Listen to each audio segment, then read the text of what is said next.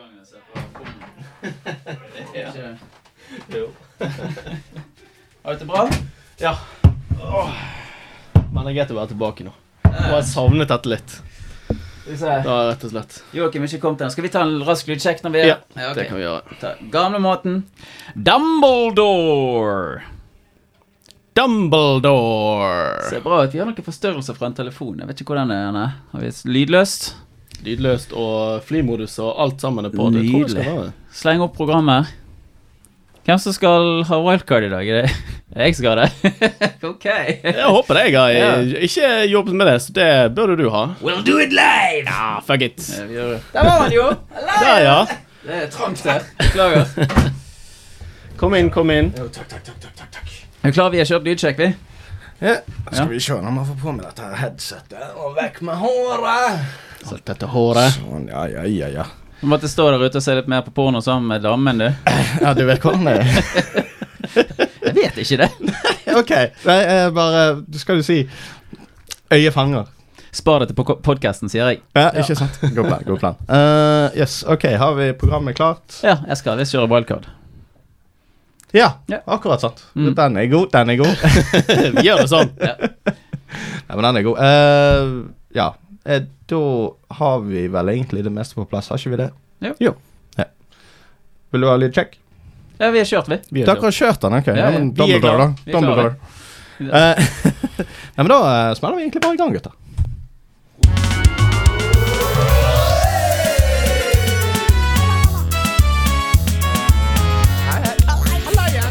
Men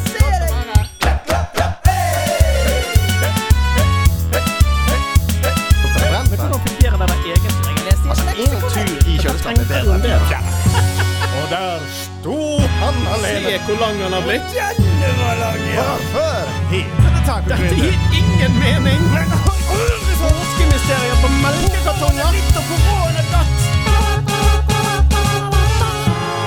Nei. Tacokrydder.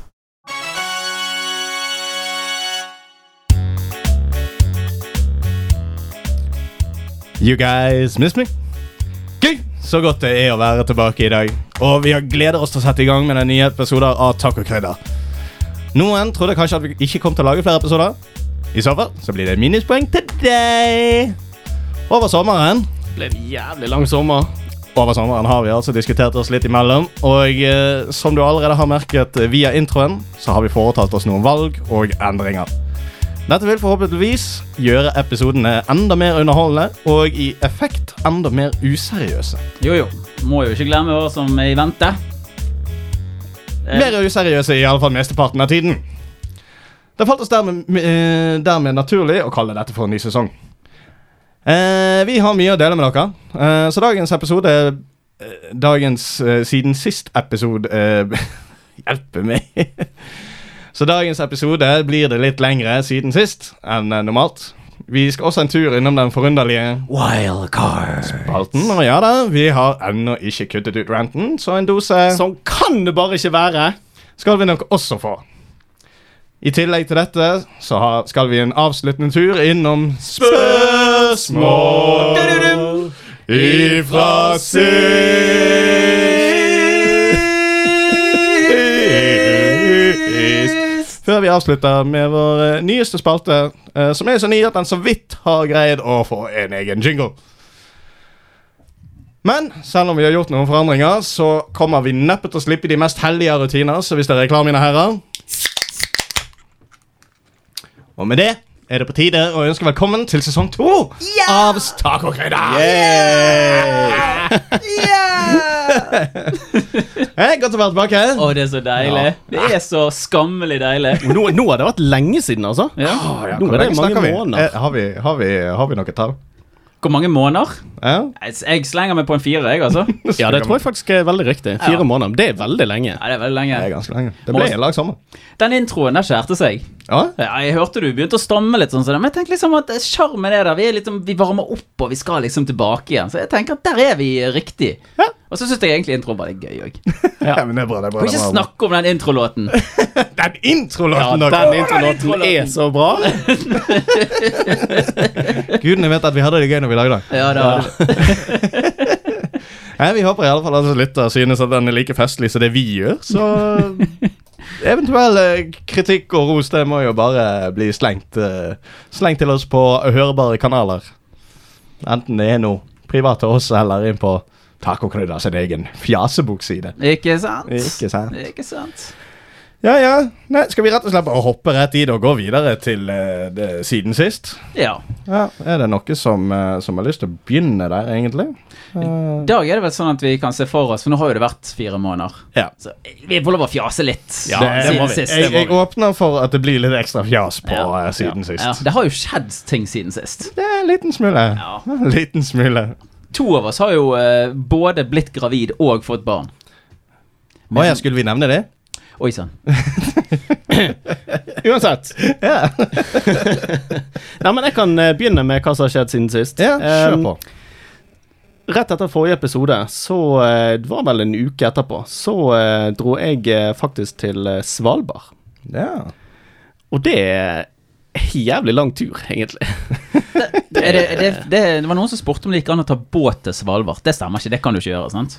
Jo, det går an, men uh, da er du på sjøen i en uke. Ja. Så det, Ja, det ikke er lang tid, altså. Har ikke Hurtigruten noe sånn her uh, Antarktis-cruise eller noe sånt? Går Hurtigruten til Ikke i sin vanlige rute, i hvert fall. Nei, nei, det er ikke vanlig rute, men jeg lurer på om de har sånn her Men det er vel kanskje sør? Jeg vet da I hvert fall ikke Antarktis. Det er jo S- Sørpolen. Jeg lurer på om det er der nede de har hatt noen sånne greier, men jeg vet ikke. I all verden. det Ja, kan jeg, godt hende. Det var i hvert fall ikke Hurtigruten jeg dro opp med. Jeg dro Det er med sant. fly. La oss henge oss opp i de viktige tingene. her. Ja. Nei, jeg var til Svalbard, og der um, var litt sånn uh, For tiden jeg var på, så var jo dette i begynnelsen av mai, mener jeg at det var. Mhm. Og uh, da er det For det at altså Svalbard er fra Jeg tror det er fra oktober til februar, så er det ingen sol. Da er det helt mørkt hele døgnet. Ja. Og så i mars så begynner sola å gløtte opp litt, og så skjer det en sånn enorm endring. Når du kommer ut i april, slutten av april, så er det midnattssol. Å, så Helt til september eller noe sånt. Så ja, så når vi var der i mai, så Altså, du, du kan ikke se ute hva tid det er. Det kan være tolv på dagen eller tolv om natten. Det spiller ingen rolle, det er like lyst uansett. Så det er veldig rart. Så du må faktisk følge med på klokken. Det var litt eh, merkelig. Så, Men, eh, men eh, var det noen problemer i forhold til korona og sånt? Eh, vi, reise, måtte, vi måtte ta en test, eh, en sånn hurtigtest, eh, på, på flyplassen. Du, Ja. For jeg tror det var sånn regler var at du måtte ha en positiv test 24 timer før du kom opp der. Og med de vanlige Ja. testene Nei, negativ test, mener jeg. Ja, Nei, ikke positiv. Ikke positiv, da kommer jeg ikke opp. En negativ test. Riktig. ok. Uh, men et positivt svar for deg. ja, ikke sant. Uh, men da eh, Men de vanlige testene, de tar gjerne mer enn 24 timer å få svaret, så da må du ha en sånn hurtigtest på, uh, på Så det er godt nok. Ja, men det koster. Ikke sant. Det kostet jeg tror jeg, rundt 2500 per person, så det er dyrt. Jesus. Så, men det måtte du ha for å komme opp der. Kan jeg stille et spørsmål òg, nå når vi er nå ute på digresjonens vidder? Ja. Måtte du ha sånn her sertifikat for å gå med gevær der oppe? Eh, jeg hadde ikke gevær, men altså, når du går utenfor sentrum, så må en av de som du er med, ha gevær med. Så, men du trenger ikke, hvis du er på sånn turisttur og sånn, så er det alltid en av sånn guider sånn, som har med seg gevær og har papirer for det. Ja. Så vi gjorde litt forskjellige ting der oppe. Um, så det var egentlig uh, i forhold til min mor sin 60-årsdag. at vi reiste Gratulerer med dagen. Ja, Så hva? det er en god stund siden nå, men eh, ja. Alt blir forskjøvet i forhold til korona. Sånn Men det. når vi var der oppe, så eh, eh, dro vi på snøskuttur. Det var utrolig gøy. Og kjempevær. Så du så virkelig eh, Og så er det helt stille der oppe. Altså det er helt Du er, kjører ti minutter fra liksom byen, og så kommer du Så er du kunne du vært eh, 500 mil unna. Ja. Så det er utrolig Du så ikke byen eller noen ting, og det var bare snø og Det er bare snø og fjell og vann og helt rolig, helt stille. Så utrolig vakkert. Så du trenger ikke gevær når du er på snøscooter? Eh, jeg hadde som sagt ikke det, men han guiden som var med oss, han kjørte egen snøscooter. Han hadde guide, ja. ja, og han hadde tror jeg faktisk to gevær med seg. Hvis den ene ikke funket, så hadde den en i backen. Og så var vi også på en sånn her eh, eh, hundesledetur. Ja. Og det var utrolig gøy, altså. ja. det å eh, liksom få vite hvordan de der eh, hundene oppfører seg, og bli kjent med de, og så løper de foran deg og trekker deg hele veien. Det var eh, utrolig gøy. Det var nesten, det var nesten bedre enn den eh, snøscooterturen. Og det var det, du. Ja, det var rett og slett eh, Så det vil jeg anbefale til alle som på, Hvis en eller annen skal opp der på Svalbard, så ta en sånn hundesledetur. Fikk du det liksom møte hønene som kom til å dra deg, og så var det en sånn gård med hunder hvor du fikk lov å se alle hundene som var til utleie og sånn? Ja, det var det. Så når For det er åtte hunder som drar én slede, og så er de to fremste lederhunder. Så du må hente alle hundene sjøl. Nei! Så du går frem, så er det masse hundebur. Det er jo 150 hunder, så det er jo helvetes med lyd der. Alle driver og bjeffer. For det, når du har på deg denne dressen som du kommer med, så vet alle at nå skal vi ut på tur, yes! Nå er det, en av, nå er det noen heldige av oss som skal ut på tur. Så alle gauler. Og det er et helvetes leven. Så må du finne frem til, så får du en liste. Du skal hente den og den hunden. Den er på tredje rekke på det fjerde huset. Så ok, da går du bort der. Altså, masse lyd, så alle vil bort til deg og bare 'pick me, pick me, pick me', velg meg. og så må du bort og hente hunden, og så um, bli litt kjent med den og hilse på den, og så drar du den eh, med deg bort til sleden. Og så, da må du forbi alle hundene som også vil være med. Ja. Så, ja, ja, ja. Det er et skikkelig leven, men det, det, var jo det var rett og slett utrolig gøy. Ja. Det er det. Også, Men er det sånn at da, disse hundene du valgte til det spannet du skulle kjøre Skulle du sitte på, eller kjørte du den sjøl, eller hvordan fungerte det? Eh, begge deler. Ah, ja. eh, det var Altså, det er to stykker som er på én slede. Så En som sitter foran, og så en som står bak. Ok. Så byttet vi på det halvveis. Ok, Stilig, da. Hvordan var det å lede et spann med hunder på ja, åtte stykk? Det, altså, nå var det guiden han på en måte dirigerte og sa sånn høyre og venstre, for høyre og venstre spor i snøen, så de fulgte det. da. Ja, ja. Eh, så jeg på en måte styrte ikke så veldig mye. Men, eh, men eh, veldig rart å se forskjellige typer hunder, altså forskjellige personligheter i den flokken. Mm. Siden de første, det var sånn Det var to lederhunder. Så det er alltid eh, mann og dame som går sammen. Så det er alltid par. Mhm. Og eh, tispene de er alltid litt mindre enn hannhundene Mm. i størrelse. Men eh, så de to lederhundene som vi hadde, det var eh, Tispen het Nordlys, og så hannhunden het eh, Nansen. Ja. Mm. Og da eh, Det som var veldig rart, var at Nordlys, den tispen, veldig stille. Bare gjorde ingenting av seg. Når, vi skulle, når vi skulle hente den tispen fra eh, liksom huset hennes og så forbi alle hundene, så alle hunder driver og bjeffer på oss. Men Mm. hun er helt stille. ja. Sier ingenting. Og det var, det var ingen av de andre som gjorde. De Nei. var liksom eh, skulle liksom si fra til de andre Nei, det er jeg som skal på tur, jeg skal eh, være med, ha-ha! Til de andre hundene. Men hun sa ingenting. Nei. Men også når vi var ute på tur, så var det hun som adlød ordrene. Ja. Det var hun som dyttet i den der litt større hannhunden Nansen for å dytte bort i riktig spor. Så det var hun som på en måte var egentlig lederen av hele flokken. ja. Og alle de andre aksepterte det. Uten spørsmål. Stilig. Det var, det var litt gøy. å- Det er kult, for må jo høne skjønne anarki, anarki jeg skal si.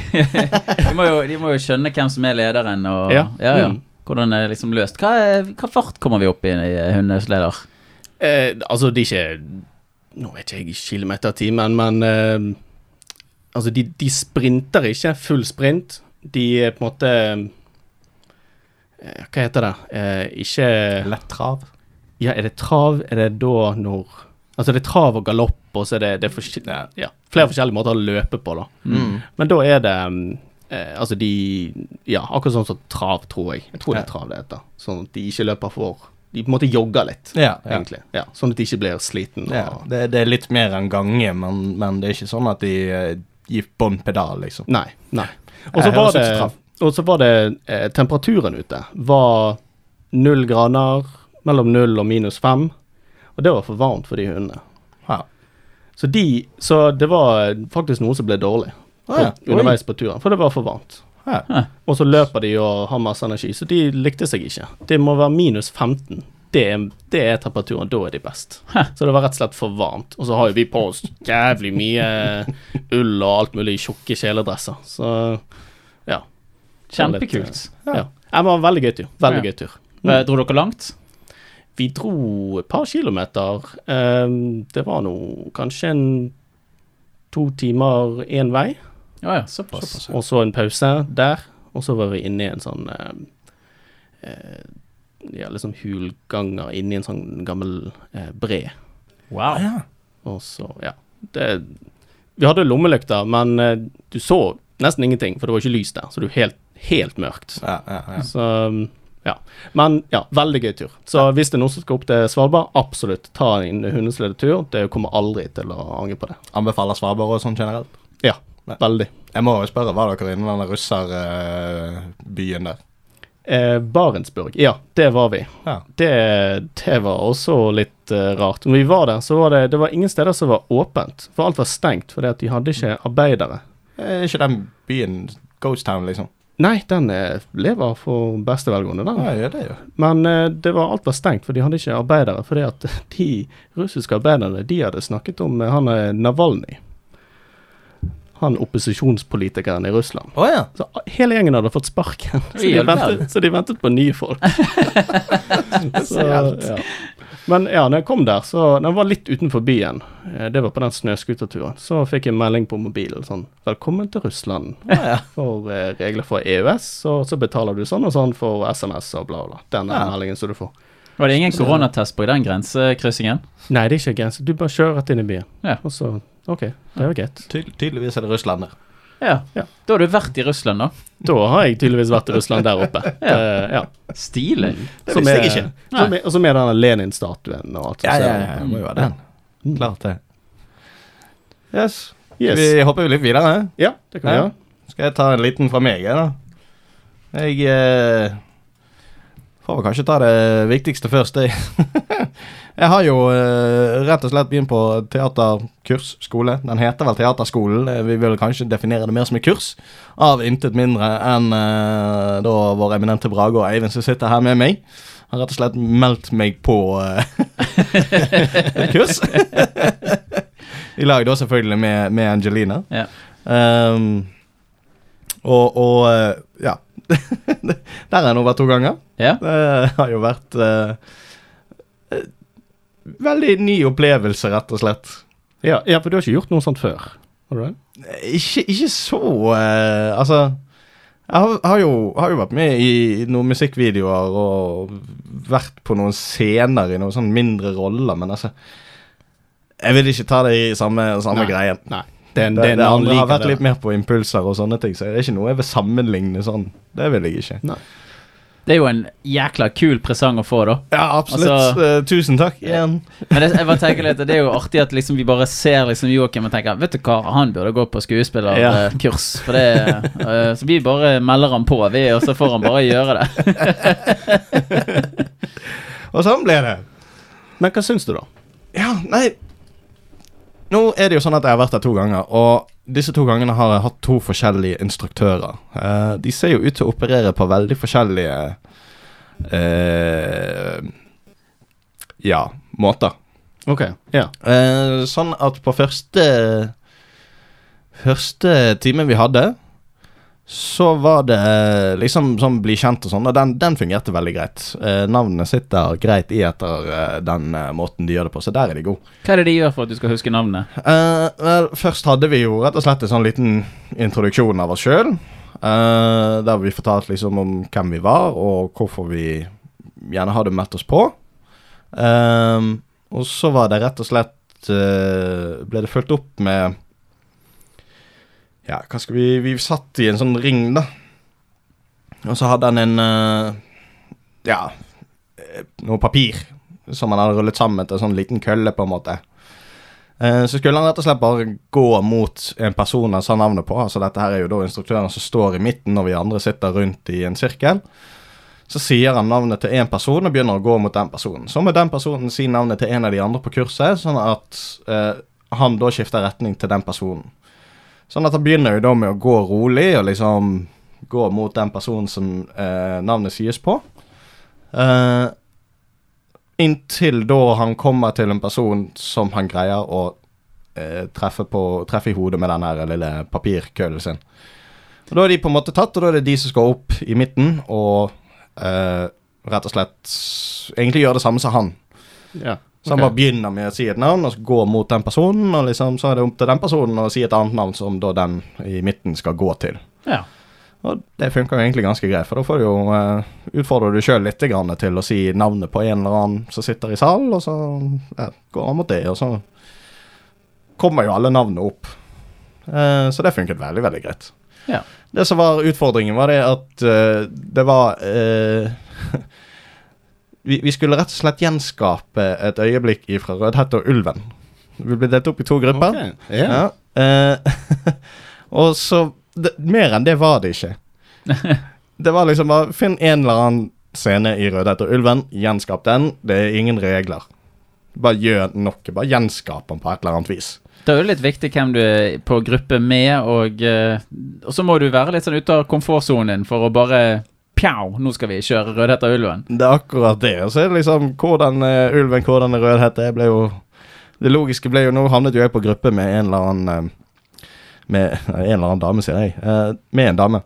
Ja. Så det var en, en, gruppe med da meg og hun, og så var det den andre gruppen. De var to mannfolk og en dame. så det logiske ble jo selvfølgelig at jeg ble rødhette i første omgang. selvfølgelig. Ja, ja, ja, ja. Utfordre deg sjøl. Ja, ja, ja. Ut av komfortsonen. Kast meg ut med en gang.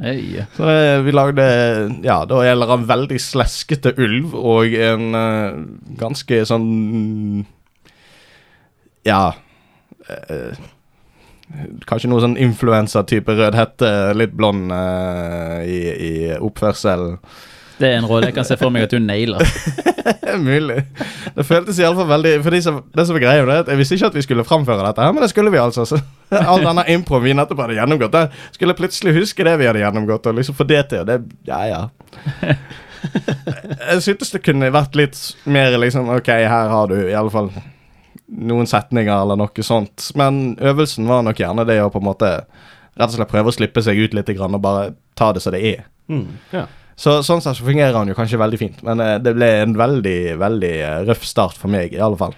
Eh, andre timen var mye bedre i forhold til at eh, Instruktøren her ville egentlig bare eh, Han er usikker på om han skal ha så mange ganger flere, så det var liksom han bare ga oss en crash course i alle tingene han skulle ønske han visste eh, mye tidligere. Okay. i forhold til seg sjøl. Dette er jo en uh, som da jobbet i Fyllingsdal teater, der hvor vi har uh, kursene, uh, siden han var 14 år. Så han har jo drevet med det en stund. Nå er han noen og 30, tror jeg. Og Så han har drevet med dette en stund, og dette var liksom bare sånn Alle disse tingene skulle jeg ønske jeg liksom jeg visste. Og tok oss egentlig ganske greit igjennom litt med det å ha en status på scenen, og hvordan liksom den eh, samhandlingen fungerer. Det å gi og, og så å si ta status eh, fra andre på scenen. Eh, det å Hvordan fungerer egentlig ansiktsuttrykk i forhold til teater? Eh, ja, masse sånne her, eksempler på det.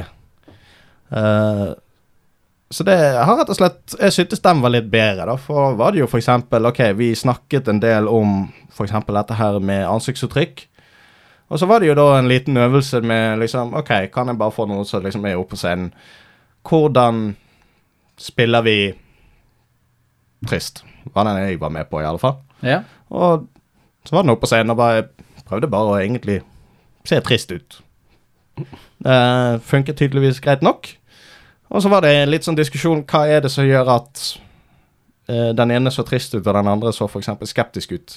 Ja. Sant? Masse sånn her uh, og hvordan det er forskjellig fra person til person i forhold til hva som uh, f.eks. en glad person. Altså, De to personene kan gjøre akkurat det samme, men det er ikke sikkert at de opp oppleves akkurat det samme. Nei. Uh, kanskje et dårlig eksempel med glad, men si noe Begge to skal prøve å være skeptisk, men de gjør akkurat det samme tingen. Det er bare det at de har forskjellige ansikter som gjør at de oppleves ikke Begge oppleves ikke skeptisk av det, da. Ok. Ja. Yeah. Uh, ja, så det, nå venter jeg egentlig ganske spent på uh, neste kurs, som er neste fredag. Og får se hva det blir da. Ja. Det høres veldig spennende ut. Ja. ja. Så jeg vet ikke. Har du lyst til å ta videre, Eivind? Jeg kan ta videre, jeg. Ja. Jeg vet ikke hvor jeg skal begynne. Uh, det har jo skjedd litt på min kant her òg. Ja. Um, ta en kort en? Ja. Og så eh, Det som er litt artig her, da, det er jo det at den siste episoden vi spilte igjen, da mener, jeg- spilte inn, så mener jeg at eh, jeg sa det at eh, jeg har begynt på et murprosjekt. Det kan stemme, ja. Som sikkert kommer til å være en gjengående sak i alle kommende episoder, og noe som vi skal få lov til å følge med på. Jeg tenkte til og med kanskje skulle lage en liten jingle om hvordan jeg har drept meg ut med, når Eivind gjør ting han ikke kan. Med mye vekt og store konsekvenser. Um, men så um, så har det seg sånn at jeg er ferdig. Nå er du faktisk ferdig. Ja. Så eh, kjapt oppsummert, jeg hadde jo Joakim, han var jo med når det skulle legges fundamentet på første muren. Muren er på nedsiden av en hage som renner ut, og dermed også tar med seg deler av en terrasse. Så eh, han var med å bygge fundamentet. Sten for sten ble muren bygget. Ca. ti meter eh, i lengde og ca. to meter i høyde. Den er da fylt opp med gode lekerkuler i bakkant. Eh, begynte å planere litt. Grann. Og så gikk prosjektet videre med at vi rev ut alle steinene som var under eh, terrassen og holdt fundamentet oppe på deler av terrassen. Det var der som stampen min sto. Nå måtte stampen ryke, og eh, steinen falt ut. Yes, stemmer det. Og eh, det var et skummelt øyeblikk i mitt liv. For jeg hadde ingen eh, forutsetninger om hvor mye dere kommer til å rase ut når vi begynner å pirke borti disse steinene. Men eh, det var meg og min far. Vi sto der, og jeg var borti stein, og jeg så at hele jævla remsen begynte å bevege på seg. Bare jeg dunket borti så vidt. Så vi lagde en liten vollgrav på nedsiden og håpte at det skulle holde ting igjen, da. Ja. Men eh, steinen eh, falt nå ut, og eh, det ble jo god fyllmasse for eh, muren som trengte å få fyllmasse nede på nedsiden. Og der bygget vi opp en mur nummer to, så nå eh, terrassen står på. Den er nå eh, helt horisontal. Horisontal? Ja, horisontal. Og eh, stampen har kommet seg tilbake igjen, så takk for meg! Hey. Jeg så den eh, Det ble lagt ut en video når du eh, rev i de der steinene. Yes. Det var litt skummelt å se på. Da var jeg sier bare sånn Oi, Ja. dette Det, det var ikke en gledens dag. Eller på en måte så var det det. Eh, Jeg var veldig nervøs når den steinen falt ut. Det var jeg absolutt. eh, For jeg visste ikke hvordan det skulle gå. Selv om det ikke reflekteres veldig godt i en video, det ser litt ut som jeg eh, får et lite panisk anfall og eh, setter meg ned på kne og begynner å hylgrine, så eh, skal jeg faktisk si at det var en god porsjon lettelse når terrassen faktisk sto der som han sto, selv om han hang i løse luften etterpå. Det var ikke mer masser som falt ut enn den egentlig store mengden med stein som falt ut, men det stoppet jo. Ja da, ja, det var, hele tomten raste jo ikke ned i avgrunnen. Det, det var ikke så gale. Nei, men, så eh, huset men, det var men det var bra at du bygde den muren, da. Ja, ja, ja, absolutt. Det, det, ja, det har vært litt av et prosjekt, og drenering under fjell fjellet og alt mulig. Det har vært et enormt prosjekt, men eh, jeg har kost meg. Jeg kan jo ikke dette her. Men jeg har lært mye av det, og hvis det er noen som trenger å bygge en mur, så ikke ring meg. For jeg er lei. Jeg har lært såpass. Ja. Ærlig. Og eh, kanskje mange som vil tro det at å jobbe med å bære stein er tungt arbeid. Det er tungt nok, men våt jord, det er tungt. Det er jævlig tungt. Når du liksom har en bøtte, altså to bøtter fylt med rennende jord, og du klarer, og du sklir opp en jordbakke som også er full i vann, med altfor store sjøstøvler som lekker, og du skal helle den eh, bøtten opp ned opp i en sånn jordmasse du skal eh, lage der oppe, og ingenting av den jorden slipper taket når den bøtten står opp ned nedi. Bare se for deg hvilket spadetak. Altså, jeg vil si at 85% av all den jordmassen som er fjernet, er tatt for hånd. Oi. For du får jo ikke tak med den spaden. Du kan jo holde den spaden opp ned, og den jorden går jo ingen steder. Nei, riktig, riktig. Så ja. Yes, det var, eh, det var meg. Tar vi runden videre? Ja, jeg tenker det vi tar en Jeg har én ting til som jeg har lyst til å dele. Um, jeg, I løpet av sommeren så har jeg fått eh, påvist uh, cøliaki. Oh. Ja, det Altså, Eller, eller er det det? altså, Er er det A? Altså det, det er jo masse ting som jeg ikke kan spise, så på en måte så er det litt dumt. Det er jo det. Ja. Men uh, på en annen måte så er det greit å uh, på en måte få vite noe, få svar på noe. For jeg har hatt litt sånn mageproblemer og følt meg litt sånn trøtt. Og det er alle symptomer av cøliaki. ja. Så da er det rett og slett greit å få vite det, og så vite at jeg gjør det og det for å bli bedre, og så jobber jeg derfra, rett og slett. Sånn at det Ikke blir en sånn Jeg vet ikke, er det noe med meg? Eh, Hvorfor har ikke jeg energi? Hvorfor ja. Så, så på en måte så er det greit å få Det er en lettelse å rett og slett vite. Ja, det, det er det absolutt. Hvordan har livet ditt endret seg etter at du har fått uh, bekreftet at du har cøliaki? Jeg har uh, egentlig fått uh, Altså, nå har jeg jobbet med dette et par måneder, men rett og slett blitt mer vant til å vite hva jeg spiser. For det har ikke jeg hatt noen filter på før. Ikke i det hele tatt. Her er det bare Å, det så godt ut. Da spiser vi det. Ja. Nå er det sånn Men hva inneholder det egentlig? Og så se på innholdet. Er det hvetemel? Er det bygg? Er det Hva er det? Mm. Inneholder dette? Så um, på så vidt så er det veldig bra, egentlig, at jeg Ja. faktisk gjør det. For Ja. det tror jeg er lurt. Men um, ja. Men det, det blir litt eh, lengre turer i butikken. Bruker litt mye Litt lengre tid å velge hva jeg skal ha til middag. Ja. Mm. Men det er jo litt spennende, da. Du får jo oppleve kanskje litt ting som du ikke har eh, spist tidligere. Og, Ja, det er det. det, er det. det altså, nå er det veldig mange som sier til meg at ja, men det finnes jo så mye glutenfri pasta og alt mulig sånn som du kan kjøpe, og for eksempel altså Rema 1000 og egentlig alle storbutikker har sånne store hyller. Det er liksom her er alt som er glutenfri. Men så er det jo egentlig mye annet som også er glutenfritt, som jeg ikke egentlig har tenkt på før. Mm. For at jeg, jeg gidder ikke å begynne å stresse så veldig mye med liksom, ok, nå må jeg velge glutenfri pasta, for eksempel, spagetti. Mm. Altså, jeg har egentlig ikke spist så veldig mye spagetti, jeg bare unngår alt sammen. Ja. For det er så mye annet, egentlig, å spise. Så jeg har fått litt sånn øynene opp for Ha, det kan jeg jo spise. Og det, og da trenger jeg ikke tenke på det i det hele tatt. Og da er det veldig mye lettere at jeg velger det, Ja. istedenfor å stresse litt med å kjøpe ting som er litt dyrere, for da glutenfritt er litt dyrere enn alt det andre. ja. Og så får jeg også tilskudd fra staten, så det er veldig greit. Hva er det du får der, da? Ikke mer enn sånn 600 kroner, men uh, det er 600 kroner i måneden. Ja, ja. Så det hjelper, det. Ja, ja, ja, Det er absolutt greit. Det er et spill, det. Ja. Og så det verste, egentlig, det er både når jeg er ute i, på restaurant og uh, sånne store tilstelninger, men også øl. Nei. Det, vanlig pils og fatøl og sånt, det kan jeg ikke drikke. Nei. Så da blir det Hansa lite, eller light, jeg vet ikke hvordan du sier det. Tror du sier lite. Lite, Mhm. ja. Det kan jeg ta. Ja. Så da blir det det. Det går jeg. Og så kan jeg drikke vin. Det har ikke noe i seg, så det har jeg begynt å drikke mye mer. Ja. Ja. Så, Ja. Altså, du eh, Vi åpner spalten eh, Brages kulinariske hjørne neste uke. Både smake på vin og glutenfri pasta. Ja. Ja, det er jo spennende, men, men eh, er, er det Er, er det en eh, Jeg avslører kanskje litt ettersom vi, vi vet jo hva det er, men det er jo, det er jo ikke sånn at du har liksom den, den tyngste sorten. Det er jo Nei. Ja. Det, altså, jeg har Altså, cøliaki er altså det at du ikke tåler gluten, og gluten er et protein som finnes i veldig mange melsorter. mm. Så hvetemel, for eksempel. Eh, og så er det noen som blir uh, Når de får i seg lite grann, så blir det veldig dårlig. Det er ikke jeg i det hele tatt. Nei. Jeg kan spise en hel Grandiosa som er pakket med hvetemel, og det går helt fint. Mm. Men på sikt så er ikke dette veldig bra, for det gjør sånn at eh, Altså, for cøliaki er en betennelse som skjer nede i tarmene. Ja, ikke sant. Sånn at for den kroppen tenker at her kommer gluten inn, det er bare feil, du skal bekjempes og ødelegges, Ja. og da lager den en betennelse, og da blir det bare trøbbel. Ikke sant. Så, men det har ikke jeg, så jeg har ikke den kraftigste, kraftigste sorten. Ja, det har jeg så ikke. sånn spor av gluten er innafor. Ja, det går helt fint. Ikke sant. Ja. Ja. Nei, men det er, det er jo en eh, En ferd som Ja, skal gjennom, rett og slett. det Men, men tror du det har en uh, Tror du dette her vil ha Altså, du sier jo at du, du har uh, Du bruker litt lengre tid på butikken fordi at du gjerne ser liksom bakpå hva som står og sånn. Ja. Tror du dette her på sikt vil være uh, en gevinst for deg òg, i forhold til det å holde formen og sånt? Det tror jeg er veldig lett å si ja til nå.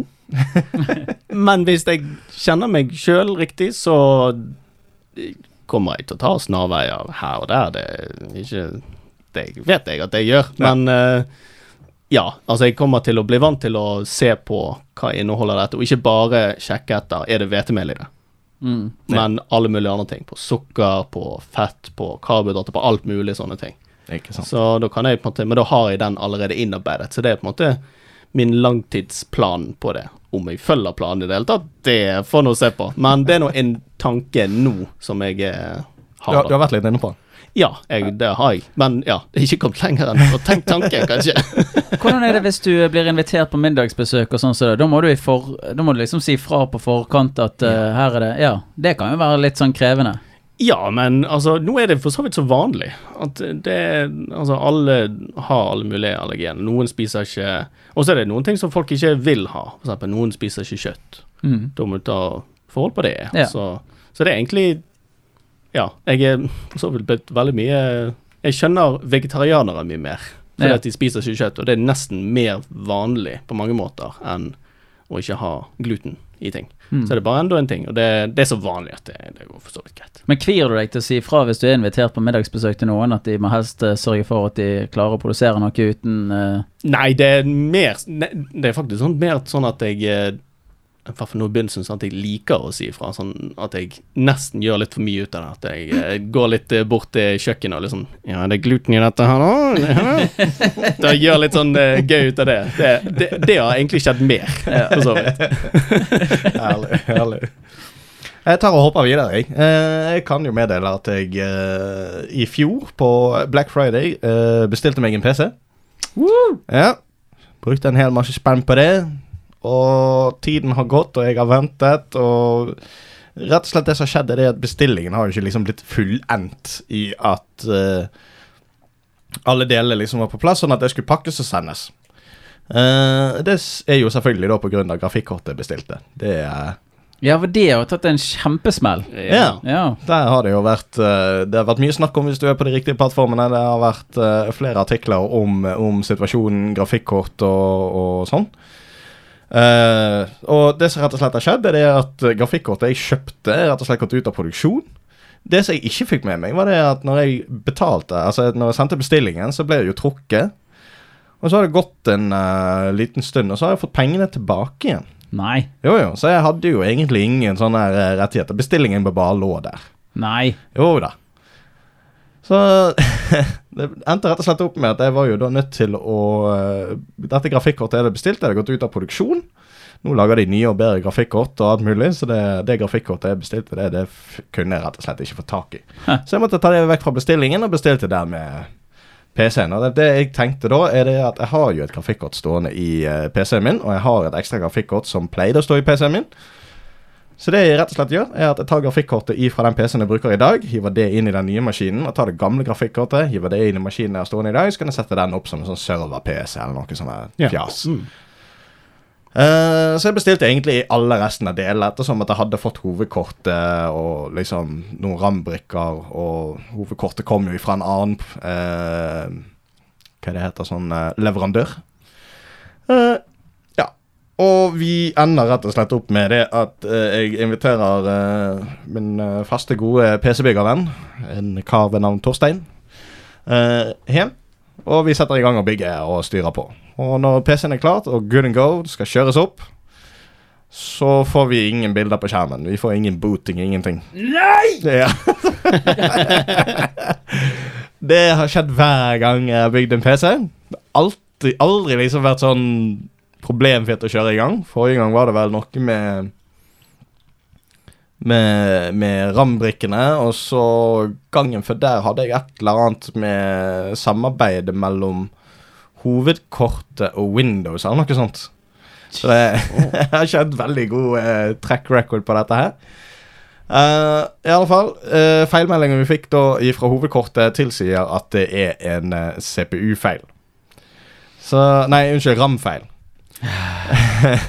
Så gøy. Ja, ja, ja. Så jeg tar disse RAM-brikkene, sender reklamasjon på de og får nye tilbake. Dette her er en prosess som tar ca. Ja, det tok vel rundt en og en halv uke. Ja. Uh, så samles vi igjen når vi bygger opp PC-en på nytt.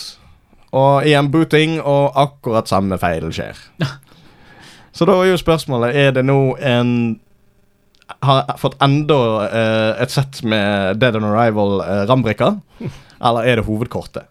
Oh, Og det som er med enhver reklamasjon, er jo det at jeg må jo være sikker på at det, det er feil med tingene.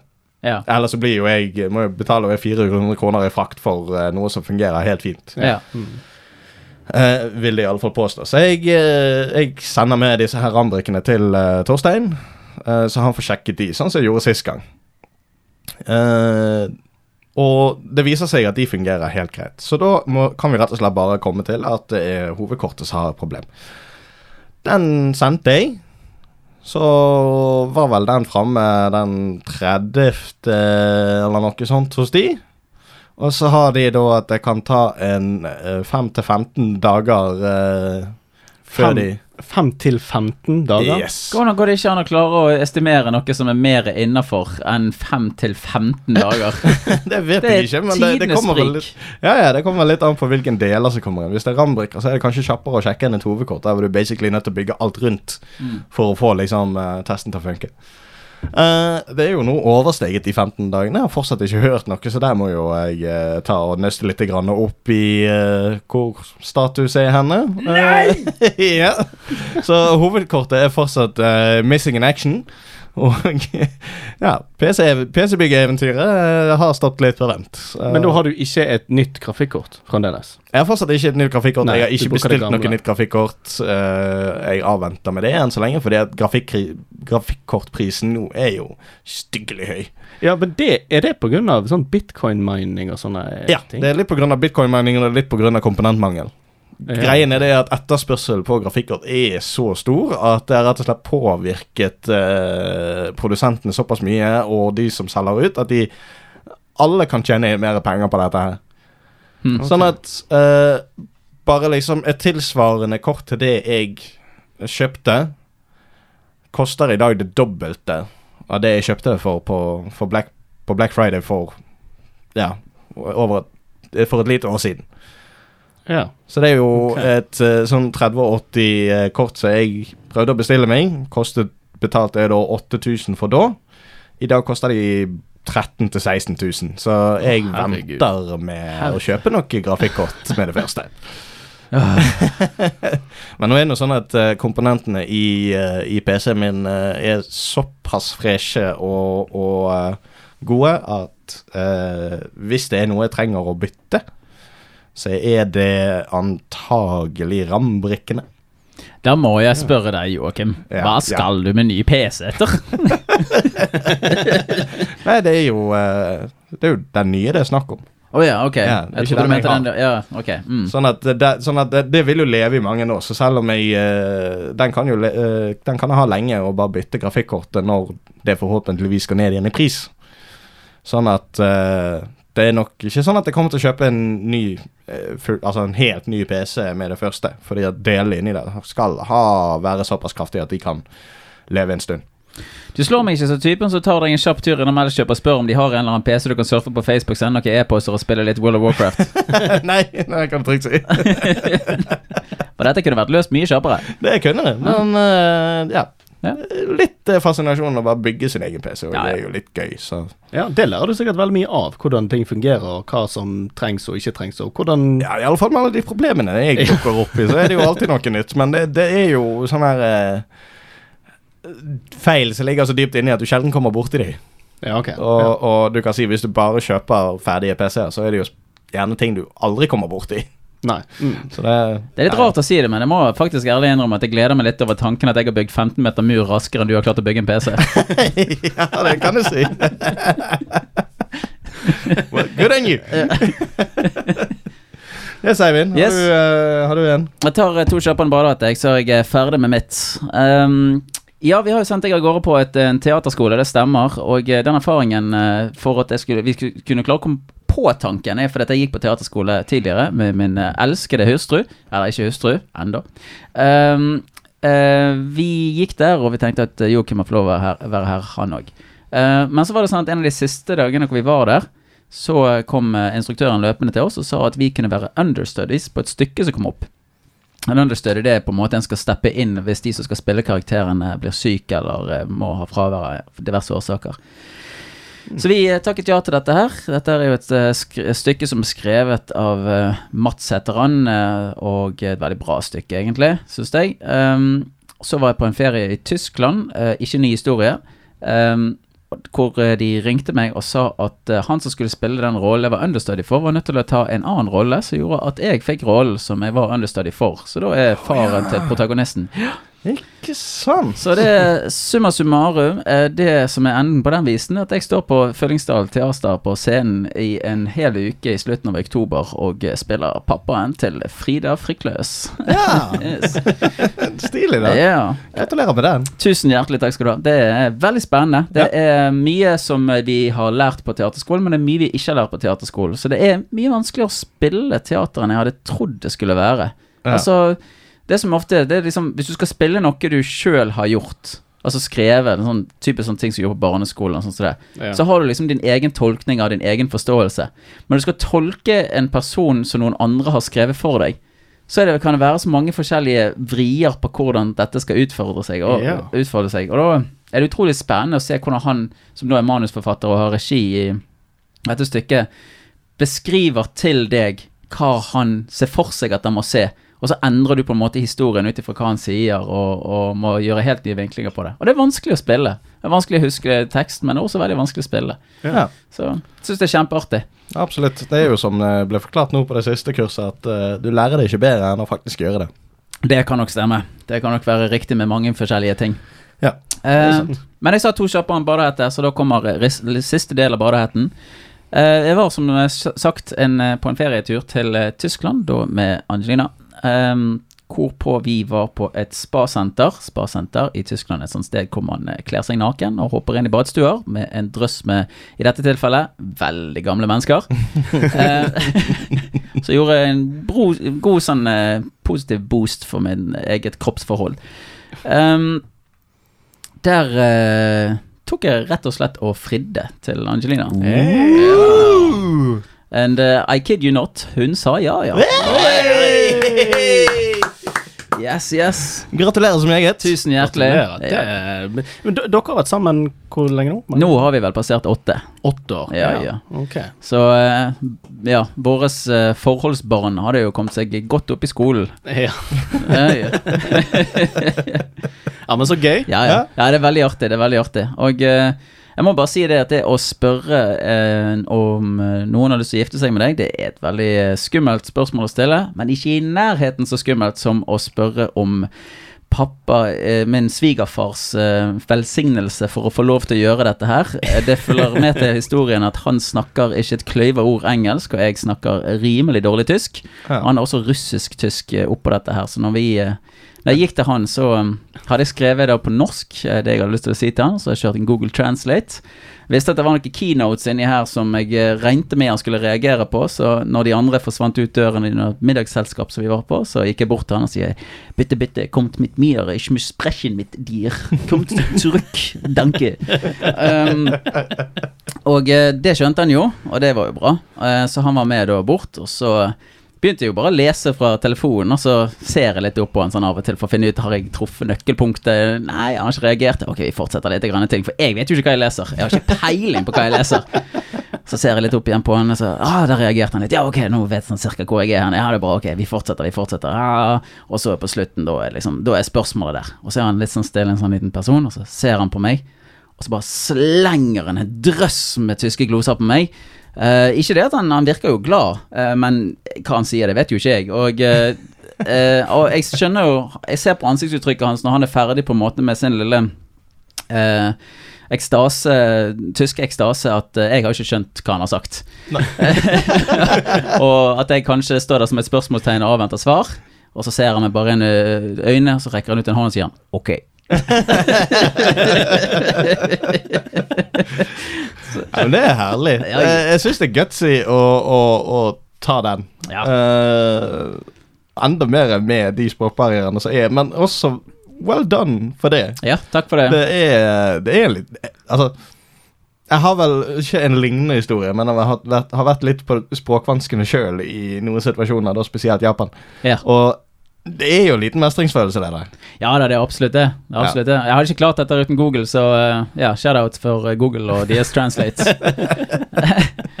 så det, ja. Og så eh, helt sånn på tampen her, så har vi nå begynt å planlegge dette. Bryllupet skal skje til neste år, og ikke mindre enn én person i dette rommet som heter Joakim, skal være toastmaster på dette showet, så det er Det er nyutdannet uh, skuespiller fra ja, det, dette her, det er, inget, det er ingenting som er, havner på høyere tilfeldigheter her, nei. Jeg tenker jeg gir meg der, jeg. Ja. Ja. Nei, men den er god. Den. Det er vel egentlig en fin tid å ta og runde av òg, tenker jeg. Det kan vi godt ta og gjøre. Så da uh, hopper vi videre til neste spalte, Eivind. Det vi har kontroll.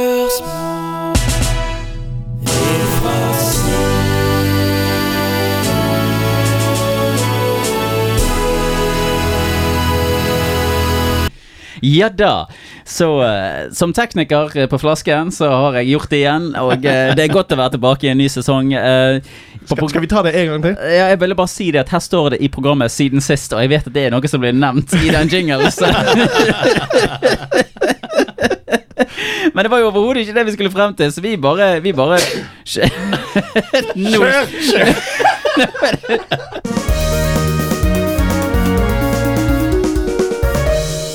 Sånn gikk det. Ja, Var der var du god. Ja da.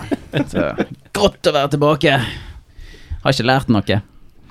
Nei, ja, det stemmer det. Velkommen til Tak og Nøtt. Det er jeg, Eivind, her som sitter og skal lose dere gjennom dagens nyhetssending. Det er helt riktig, vi kommer til å ha en nyhetssending i dag. Vi har jo ikke egentlig snakket så veldig mye om eh, at vi kanskje kommer til å velge og vrake litt forskjellige eh, sånne her eh, Hva heter det for noe? Ting vi kommer til å gjøre. Altså for at Ja, vi har jo en, spalter. I spalter, ja. Vi kommer ikke alltid til å gå for de samme spaltene, men denne uken så tenkte vi at vi kan godt ta med oss eh, nyhetsspalten, for det har jo vært en stund siden. Det er en verdig nyhetssak for Taco Nytte, syns jeg. Ja, takk for meg. Nei da. Uh, vi fortsetter. Denne sommeren har jo vært preget av diverse store nyheter, og for å oppsummere sommerens store nyheter skal jeg ramse opp en rekke ting som burde ha vært nevnt i hvilken som helst nyhetsspalte, sett at vi, hadde, sett at vi ikke hadde hatt sommerferie. Så jeg bare, jeg bare går gjennom litt sånn nyhetssaker. Det er sånn beleilige ting som jeg mener at skulle vært nevnt, da. Eh, sommeren har vært lang, og den har satt sin dom. Vi har vært for og imot vaksiner helt til deltaviruset kom. Og selv om de lærde strider, så hva angår unges benekte, eh, ben, benektere faller om, har vi fått øl med QR-kode uten å måtte snakke med noen. Østlandsk nonn der, altså. Men de som nekter på klima, ja, de kommer til kort, for FN og deres forskere har lagt fram en meget utbredt klimarapport som sier at sammenhengen mellom utslipp og det været som vi har fått, det er så sikkert at til og med Frp deltok i debatten før det til slutt ga opp. Vi har mangel på vann, og det kan være sant, men spør du meg, så sier jeg at vi har jo vann overalt, sånn som f.eks. i England og Tyskland, Indonesia, Fiji, Wales og faktisk Kina. Louisiana og New York ble også tatt av denne hissige stormen Ida, men det er bare hittil i år. Og regnet, det vet vi, det kommer og det går. Men at vi tviler? Jo, bitte litt. I Norge tenker vi at midt er mitt, og midt er litt av Norge, gitt. Mitt fjell er fint, og ikke sitt og putte dritt på fjellet mitt, med vindmøller som bråker litt. En god idé er det det er. Men ikke putte her, men der. Men der er her for en annen stakkar som setter et sted som ingen trakker, men da får naturvernet et problem, for fuglene skal jo vekk og hjem igjen. Og de kan ikke se hvor hen de flyr, så da har vi nok et eventyr. Og nettet koker, og alle vet som Jesu disipler og Herrens profet, så skriker de etter møllere, møller i vann. Men det går jo heller ikke an, for der er jo det fisk med dårlig hell som krasjer i møller store som fjell. Men så sitter vi oss ned og gjør ingenting, og i vente for, på forbedring. Vi tar det med ro og tenker det blir vel bedre med neste regjering. Men andre ting har skjedd, så vi må fylle noen hull. Det har vært kupp i Myanmar og et kupp i Kabul. Eller Kabul, som det egentlig heter, da, men det rimer jo ikke. Og Britney Spears vant retten til sin egen økonomi, mens stakkars Brage sitter her og drikker hvetefri øl og cøliaki. Ja da, det var uh, nyhetsspalten sin, det. Nei da, vi kan ta litt ordentlige nyhetssaker òg. Ja, bare si jeg, eh, jeg sitter litt med hakeslepp. Ble tatt litt, eh, litt på sengen av den. Ja, nyheter på rim, Ja, ja. ny spalte. Faen, skal vi fylle alle disse spalteløftene våre, så, så blir det akkurat som politikken igjen. Ikke sant? Å, herre. Ja, det kan du si. Nei da, vi kjører på. Jeg eh, har egentlig hatt det veldig travelt, så det jeg skulle få ned noen nyhetssaker, men jeg vet egentlig ikke hva jeg har satt opp, så vi får bare se hva jeg leser opp nå, for jeg har jo tross alt skrevet det ned. Blizzard Activision. Dere kjenner til spillselskapet, regner jeg med? Ja. Ja, dere har hørt om det. Så Blizzard Activision endret nå navnet på en av karakterene, som heter Jesse McCree. Eh, Fra deres eh, populære spillserie Overwatch. Som et resultat av at utvikleren som karakteren er navngitt etter, måtte forlate selskapet etter å ha tapt i rettssaken etter at han har blitt anklaget for seksuell trakassering. Dette er en av flere i rekken av utviklere som har blitt anklaget for seksuell trakassering i dette selskapet. Joakim. Om noen av presidentene som er gravd ut på Mount Rushmore viser seg å ha trakassert en av sine kvinnelige ansatte, skulle vi da endret navnet på personen som er gravert ut? Ja. Ok. Jeg vil tro det ikke ga mening, men det er så bra. Vi skal tilbake igjen til en eh, sak som vi refererte tidligere under en run til Lill Utsi, som er en av disse her eh, mumlerapperne som jeg eh, snakket om på en tidligere episode. Eh, på en konsert i sommer lærte Summer Bizzle Woods, nærmere kjent som artisten Lill Uzi Vert, en viktig lekse rundt temaet verdihøy edelsteinsimplantat i panneparti. Rapperen fortalte TMZ at når han under en konsert crowdsurfet, fant en stor fan det godt for å snappe til seg en 24 millioner dollar, det er altså 260 millioner kroner, dyr rosa edelstein han hadde implementert, implementert tidligere i år. Implementert heter det implementere når det er implantat? Im implantert? Nei. Implantert? Jeg vet ikke. Nei, Han hadde i er hvert fall festet den i pannen. Diamanten, som herr Utsi har drevet og nedbetalt siden 2017, fant sin vei tilbake til artisten uten at han ville uttale seg om hvordan. Han har ennå ikke puttet diamanten tilbake i pannen. Brage. Ja. Kan det å stjele implantater fra anerkjente moderne rappere bli en levedyktig økonomisk inntekt i framtiden? Oh, det, hvis det, de fortsetter å legge store diamanter i, i pannen, så eh, ja, det er absolutt en inntektskilde for, eh, for forskjellige folk. Det tror jeg. Ja. Artig at du skulle nevne det. Goldilocks Dunesjur, som er et eh, navn jeg har klart å fiske frem her. Den 23 år gamle meksikanske rapperen Duan Sur har også fått en litt spesielt implantat på hodet, nemlig gullenke-dreadlocks. Han komment... Han kommenterte på en video på TikTok, dette er anerkjent. Jesus.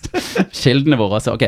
Han kommenterte på en video på TikTok at han synes det er så mange som driver og farger håret, og han ville, han ville ikke kopiere de. Så nå har han jo eh, fått uh, gullenke-dreadlocks og håper at andre ikke kopierer han. Joakim, bleke eller implantat? Altså, jeg, jeg, jeg går for bleking, altså. Jeg, jeg er litt old fashion der. Ja, mange er enig der. Så en siste nyhetssak der. Eh, ved Gimle barneskoge i Halden blir barn og voksne nå advart mot en full elg som i flere dager denne uken har forsynt seg av gjærede epler fra et epletre i området. Her er det altså en quotation. Kollegaen min Morten så den på tirsdag. Han trodde den var skadet, for den lå bare helt stille i et tettbebygd strøk. Men da elgen reiste seg, forsto han fort at den var kjempefullt. Kjempefull. Det var da elgen fikk ereksjon. Kollegaen min Morten så den på tirsdag. Han trodde den var skadet. Å, det er akkurat det samme en gang til. Brage. ja. Nachspiel med elg i Oslo. Hvis du ikke roper på elgen for mye, da, da eh, kommer den opp der. Det var egentlig det jeg hadde å dele. En Nydelig stykke nyhetsspalte, det vil jeg si. Ja, Det er mye um, Jeg syns dette med implantater skal bli en sånn greie. Altså Altså, jeg håper det er flere artister som finner det godt nok, og så kan vi lage flere flotte nyhetssaker om det. Jeg oppfordrer alle til å søke på bildet til han fyren med dreadlocksen. Altså Det er helt greit, det der greiene som han Utsi gjorde med den ene diamanten. Det er så som så. Men disse dreadlocksene, det, det ser du. Yeah. Det ser du jævlig godt. Det er ganske omfattende hva han har gjort med hodet sitt. Absolutt, absolutt. Yes, Går vi videre? Ja, jeg tenker det.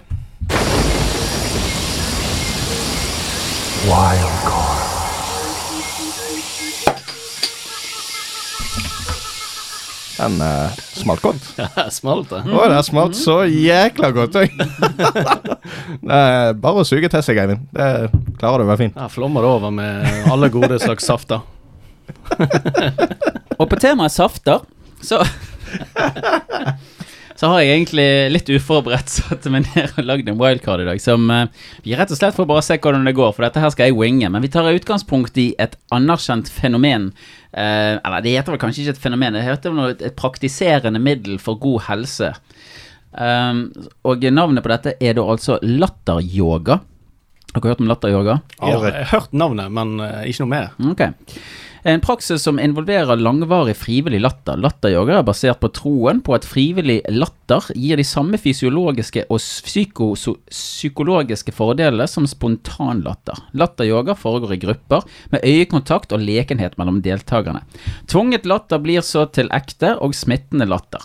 Øvelsen involverer ikke humor eller komedie. Latteryoga blir populært som en øvelse utviklet av indiske den indiske legen Madan Kataria, som skrev om praksisen i boka 'Laugh for no reason' fra 2002. Shoutouts til den boken. Uh, dette er jo, uh, Jeg har jo bare sett dette på TV i tillegg, da, at dette er noe de praktiserer på store arbeidsplasser i India for å sørge for at sine ansatte skal da være ved godt mot og godt humør. Um, så det jeg har forberedt for oss nå eh, Nå har dere skjønt at dette her er ikke spontanlatter. Dette her er da latter som dere selv um, provoserer frem, da. Mhm. Dere må liksom le på kommando, da. Okay. Og så er da tanken til um, Madan her at uh, den latteren nå skal videreføres over til ekte latter. Ja. Hvis vi skal få det til. Uh, det fins noen enkle måter å gjøre dette på. Det er at du rett og slett bare, sånn som jeg sier, står i grupper, ser hverandre inn i øynene og uh, ler. Eh, men jeg har tenkt å det, mikse det opp litt grann, og lage litt sånn leker ut av det. Så Beklager. Uh, så der er det tre uh, forskjellige øvelser, så jeg tenker at vi skal, vi skal ta og drive og veksle litt mellom. Det ene det er drikke latter fra en kopp. Det betyr da altså at dere later som dere har en kopp, og så når dere drikker, så må dere le. Sånn? Så det betyr at vi bare drikker litt rundt bordet, og så ler vi når vi drikker. Okay. Sant? Ja. Det andre, det er ro og le. Da skal vi, da skal vi da, når vi ror bakover, så er det latter på he-he-he, og når vi da går fremover, så er det ho-ho-ho. Sant? Okay. Dere skjønner den? Okay. Det er da altså he-he-he-he, ho-ho-ho-ho. Ja. Ja, så jeg ha så god mikrofon, mikrofon, mikrofonføring så vi klarer på det. Den siste, det er da kasteballatter. Det betyr at den som har ballen, han er den som ler. Og da eh, så får vi bare leke at vi har en ball. Vi ser jo hvem vi kaster til, vi er bare tre stykker i rommet, så du må ta imot ballen, og har du ballen, så må du le. Ok. Er dere eh, innforstått med reglene? Jeg tror det. Jeg skal ta kjapt oppsummere dette. Drikke latter fra en kopp. Sant? Ja. Da sitter vi bare rundt bordet, og så drikker vi litt sånn som dette. Ja. Ja. Da får dere drikke litt ofte, for ellers så blir det bare stille, og så er det en som drikker. det går ikke. Ro og le, og så kaste ball. Um, og så får dere Nå er liksom Her er det kicker. Dere får følge litt med på meg. For hvis jeg endrer hva jeg gjør, så må dere også endre. For da endrer vi hvilken av disse vi okay, holder vi, på med. vi, vi, du, du leder an, vi bare følger. Ja. Ok. Ja. Ja. Ok. Ja. Altså, det jeg kan gjøre, det er at jeg kan si kopp, ro og ball. Ja. Ok? Kopp, ro og ball. Mm, Er dere klare? Da kjører vi i gang. Én, to, tre. Kopp!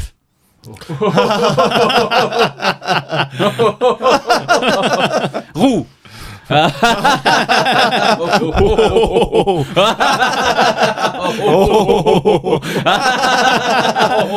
Kaste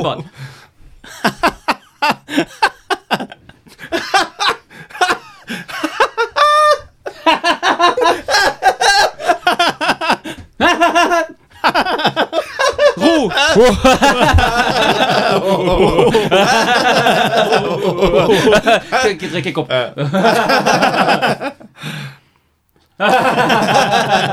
Ball. Ro! Det er kopp.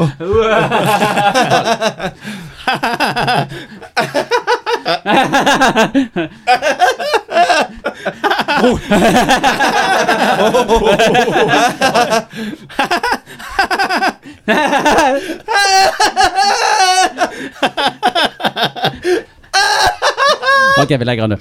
Ok. Takk for meg. Takk for meg. Hva er neste på programmet nå, da? Eh, det er vel en liten rant, det. Da kjører vi. Jeg tror det er Brage som er litt senere. Å ja. Ja.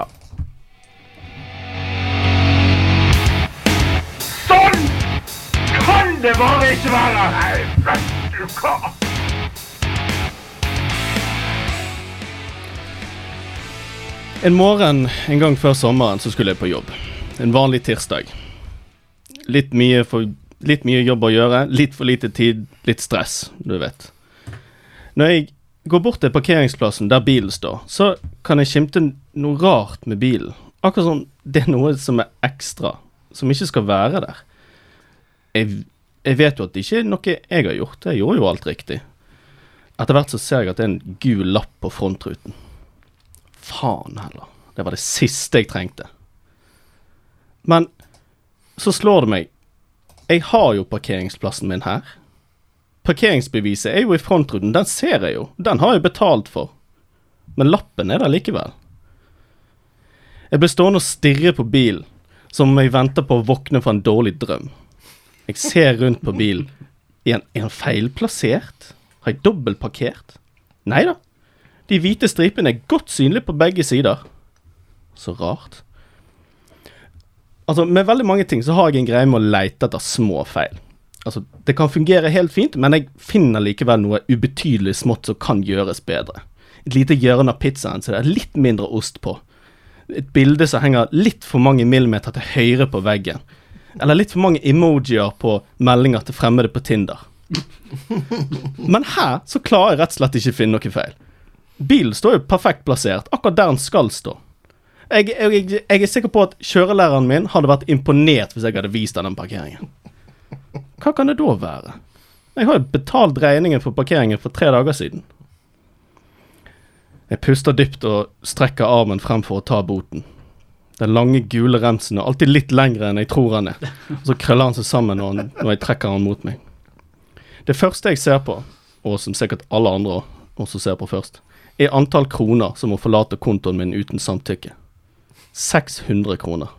Helvete òg. Men hvorfor har jeg fått denne boten hjemme hos meg sjøl? Jeg skumleser nedover for å finne årsaken til denne forbannede lappen. Frem så kommer det en annen adresse enn der bilen står nå. Unnskyld meg, har de gitt boten til feil person? Videre nedover så står det et registreringsnummer. Men svarte, det er jo bilen min! Altså, jeg parkerte bilen på det stedet i går, men jeg fikk jo ikke bot da. Har Vestpark fulgt etter meg for å gi meg bot? Har de forfulgt meg hjem for å trykke det opp i trynet mitt at jeg har gjort en feil? Hva person er det som har gjort dette? Har de så lite å gjøre på at de følger etter personer som feilparkerer, for å gi beskjed til alle naboene at de har en synder iblant de? Har parkeringsvakten det noe imot meg? Hva, har jeg ved en feiltagelse ligget med konen hans eller noe?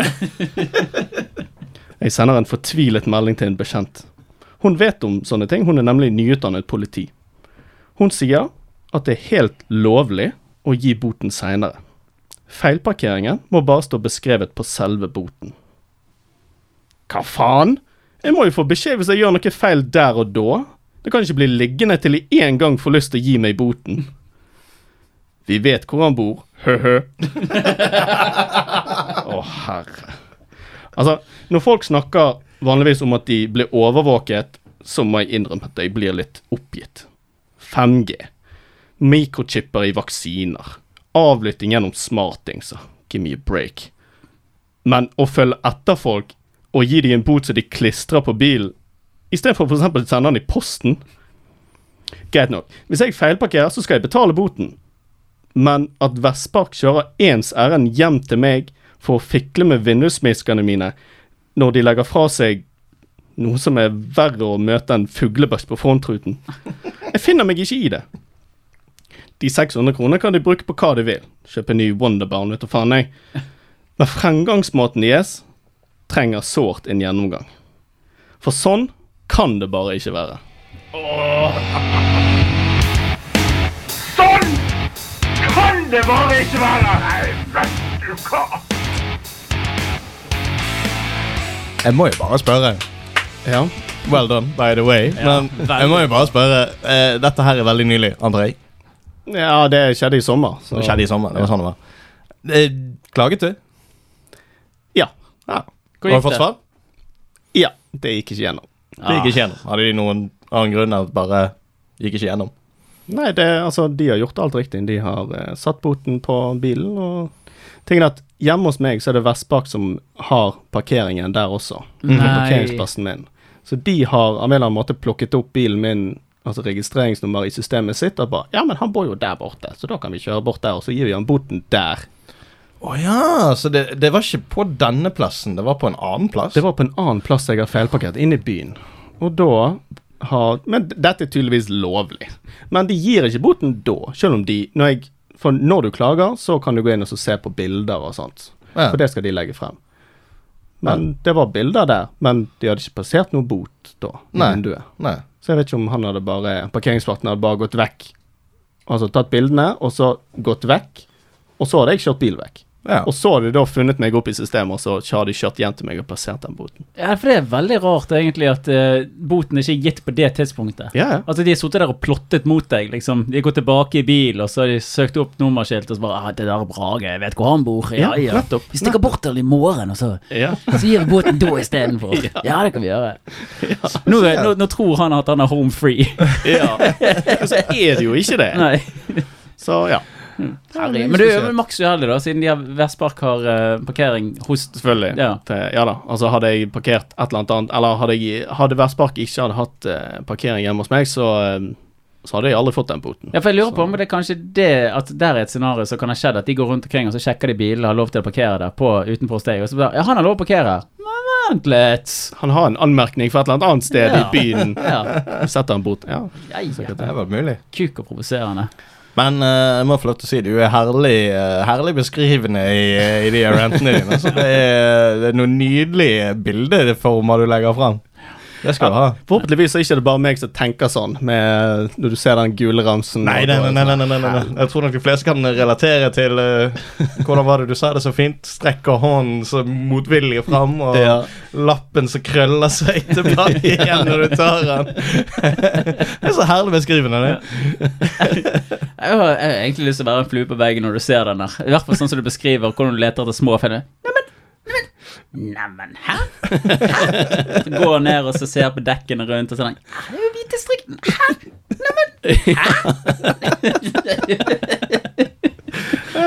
Ja, det er fint, det. Uh, skal vi ta svanesangen? Spørsmål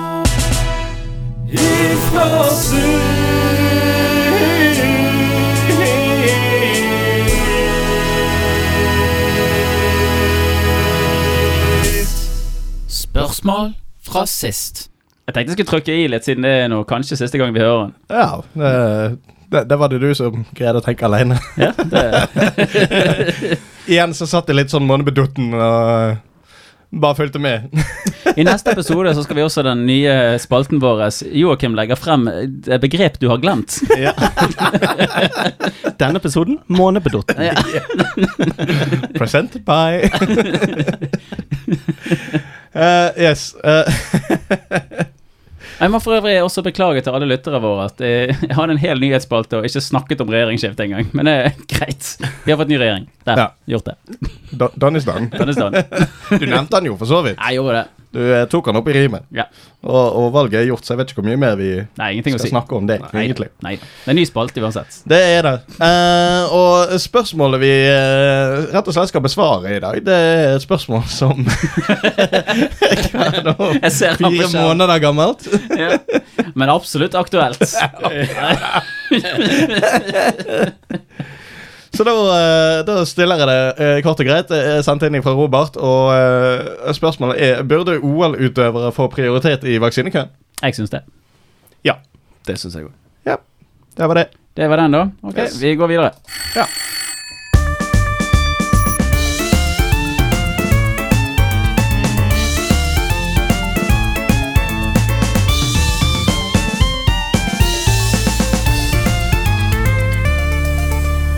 Brevluke.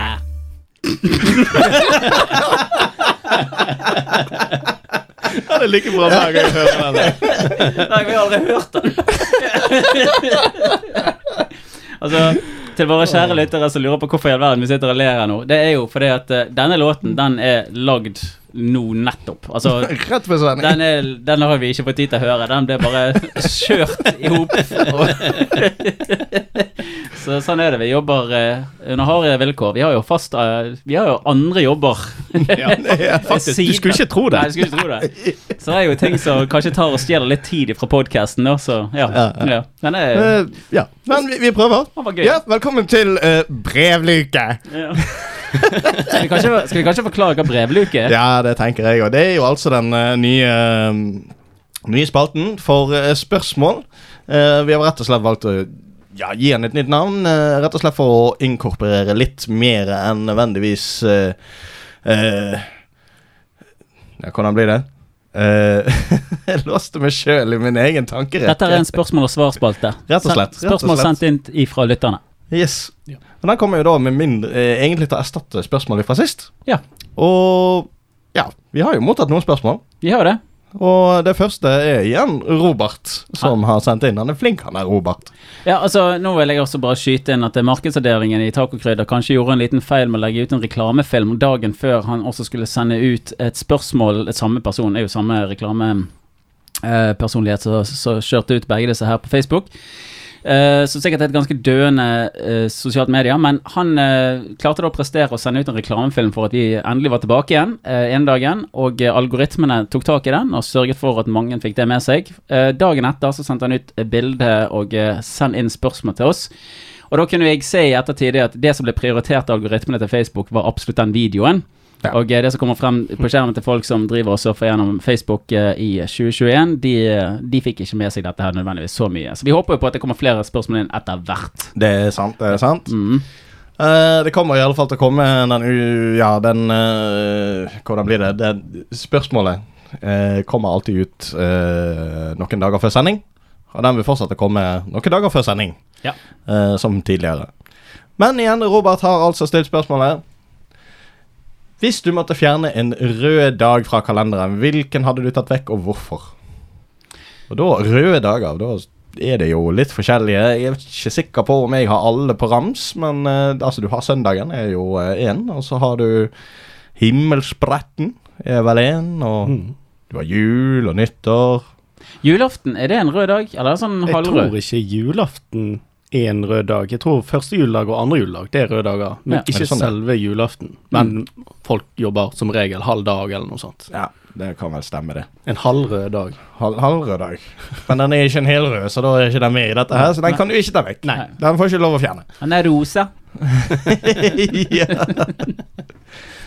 Eh, ja. Ja. Jeg, eh, jeg har gjerne lyst, lyst til, for jeg er jo barneløs, um, så jeg slenger inn planleggingsdagen, jeg. Det er vel sånn sett ikke en rød dag. Nei, det er vel egentlig ikke det. Men uh, jeg tenker at det der må de klare å få til. En eh, Hva gjør de egentlig med den planleggingsdagen? Men det er greit, hvis det ikke er en rød dag, så skal jeg trekke tilbake igjen. Ja, det tror jeg nesten du må det. Det, det var et godt, uh, godt forsøk. Ja.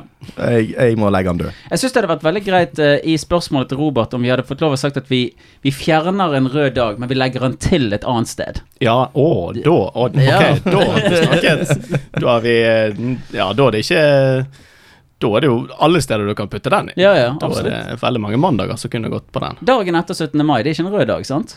Nei, Nei. det er det nok ikke. Og det er fyll og faenskap. Det er sånn der eh, Prosecco-frokost om morgenen, og så skal du klare å holde den brisen ut hele dagen, og så er det back to work. Ja, det, er jo, det, er vel derfor jeg liker 16. bedre enn 17., kanskje. Ja, mange som gjør det. Mm.